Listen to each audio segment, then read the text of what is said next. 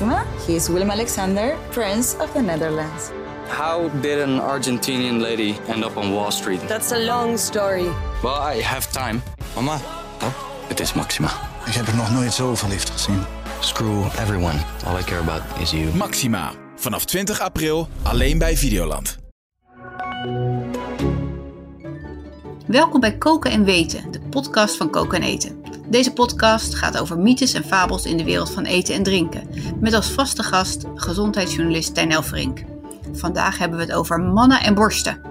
Goed Yes. dat je er bent, Tijn. Ja, Daar Wie willen we wil dit, eh, alles over weten. die wil dit eh, niet allemaal weten. Ja, of je borsten krijgt van bier drinken. En, en dan dus vooral mannen.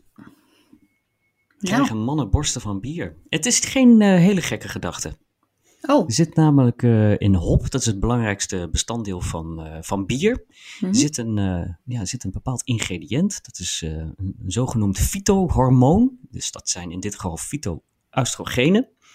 En dat is een soort plantaardige variant van het echte hormoon oestrogeen.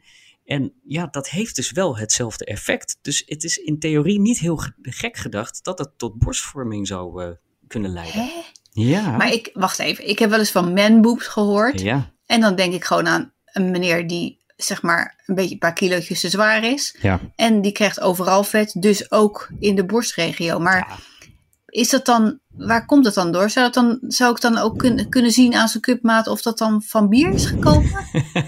nee, dat kan eh, inderdaad niet. Het is een heel bekend verhaal. Eh, het zit namelijk niet alleen in hop, dus dat, eh, dat basisingrediënt van bier. Het zit Mhm. ook in sojabonen, in, in rode klaver, in erwten, bonen, lijnzaad, sesamzaad. Dus het is niet zo dat het alleen in hop zit. En Hmm. dat ingrediënt, dat, ja, er zijn ook heel veel fora op internet te vinden, voor, bijvoorbeeld van, van FIFA of noem maar op, waar eh, vrouwen elkaar tips geven. Die zeggen, Mhm. ja, wil je grotere borsten, dan hoef je niet, aan, niet een- Ja. meteen aan de borstvergroting. Je moet gewoon heel veel soja eten.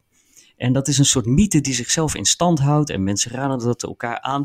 Nou, kan daar heel duidelijk over zijn, het werkt niet. Oh, Dus het is inderdaad wel zo dat in theorie klinkt het logisch dat die zogenoemde fytoöstrogenen dat die hetzelfde effect hebben en, en dat hebben ze ook. Alleen het effect is zoveel zwakker dan van het echte hormo- hormoon dat je ja, per dag zoveel soja zou moeten eten. Eh, zoveel sojaburgers, zoveel sojamelk of zoveel bier zou moeten drinken om dat effect te veroorzaken, dat is gewoon niet mogelijk. Dus ja, in theorie werkt het ja, een beetje zo, maar in de praktijk lukt het niet om zoveel van die fytoöstrogenen binnen te krijgen. en het lijkt me ook lastig om daar proefpersonen voor te vinden. Ja, nou ja, je Mannen, zou kunnen... mannen misschien, nou ja, vrouwen misschien wel, maar daar heb ik geen idee van. Maar, mannen denk ik wel iets minder. Ja, het is getest bij eh, vrouwen in de overgang, omdat eh, Mhm. de, de, de hormoonproductie dan afneemt. Hebben ze vrouwen ja, preparaten, dus eh, voedingssupplementen gegeven met die eh fytoöstrogenen. Ja, En daarvan is gekeken, heeft dat effect? Nou, dat heeft effect, maar het effect zelfs bij die enorme hoge doseringen, dus vele malen hoger dan wat er in voeding zit, was het effect bijvoorbeeld dat eh, eh, een vrouw 1,3 opvlieger per dag minder had. Nou, dat is Ja. niet echt de moeite. Dus ja, het effect is er, maar het is wel heel klein. Hmm. Nou ja, gelukkig voor de mannen. En eh, ja, jammer voor de vrouwen die daar in de overgang dus wat aan zou, hadden, hadden kunnen hebben. Ja, hoewel het dus ja. niet heel veel effect heeft, eh, zijn er wel wetenschappers die zeggen, nou pas wel op met die, eh, met die voedingssupplementen. Eh, hoewel het dus maar 1,3 opvliegen per dag scheelt, kan het wel invloed hebben op je gezondheid. En zij zeggen, ja, ga niet zomaar naar de drogist en probeer dat uit. Doe dat wel altijd in overleg met een arts, want de gevolgen, ja, die, die kunnen er wel zijn en het is niet altijd positief. Dus pas er een beetje mee op, zeggen zij.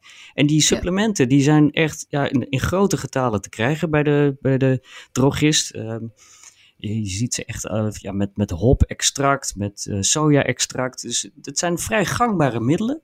Maar ook hiervoor geldt, ja, pas er wel een beetje mee op. Niet alles Nou, wat kun je er dan van krijgen? Wat, is dan, eh, wat zou dan een bijwerking kunnen zijn? Het eh, bijwerkingeninstituut eh, LAREP, die houdt dat allemaal bij. En die hebben in één jaar een stuk of 50, 60 klachten gehad.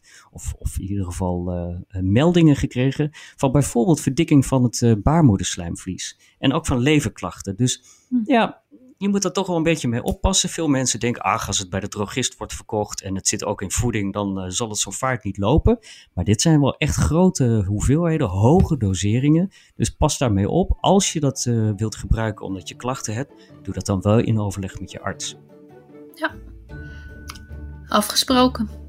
Goed plan. Dankjewel weer voor het delen van, je, van, je, van je, de kennis die je hebt uh, opgedaan. Graag gedaan. En uh, tot de volgende keer weer. Tot de volgende keer.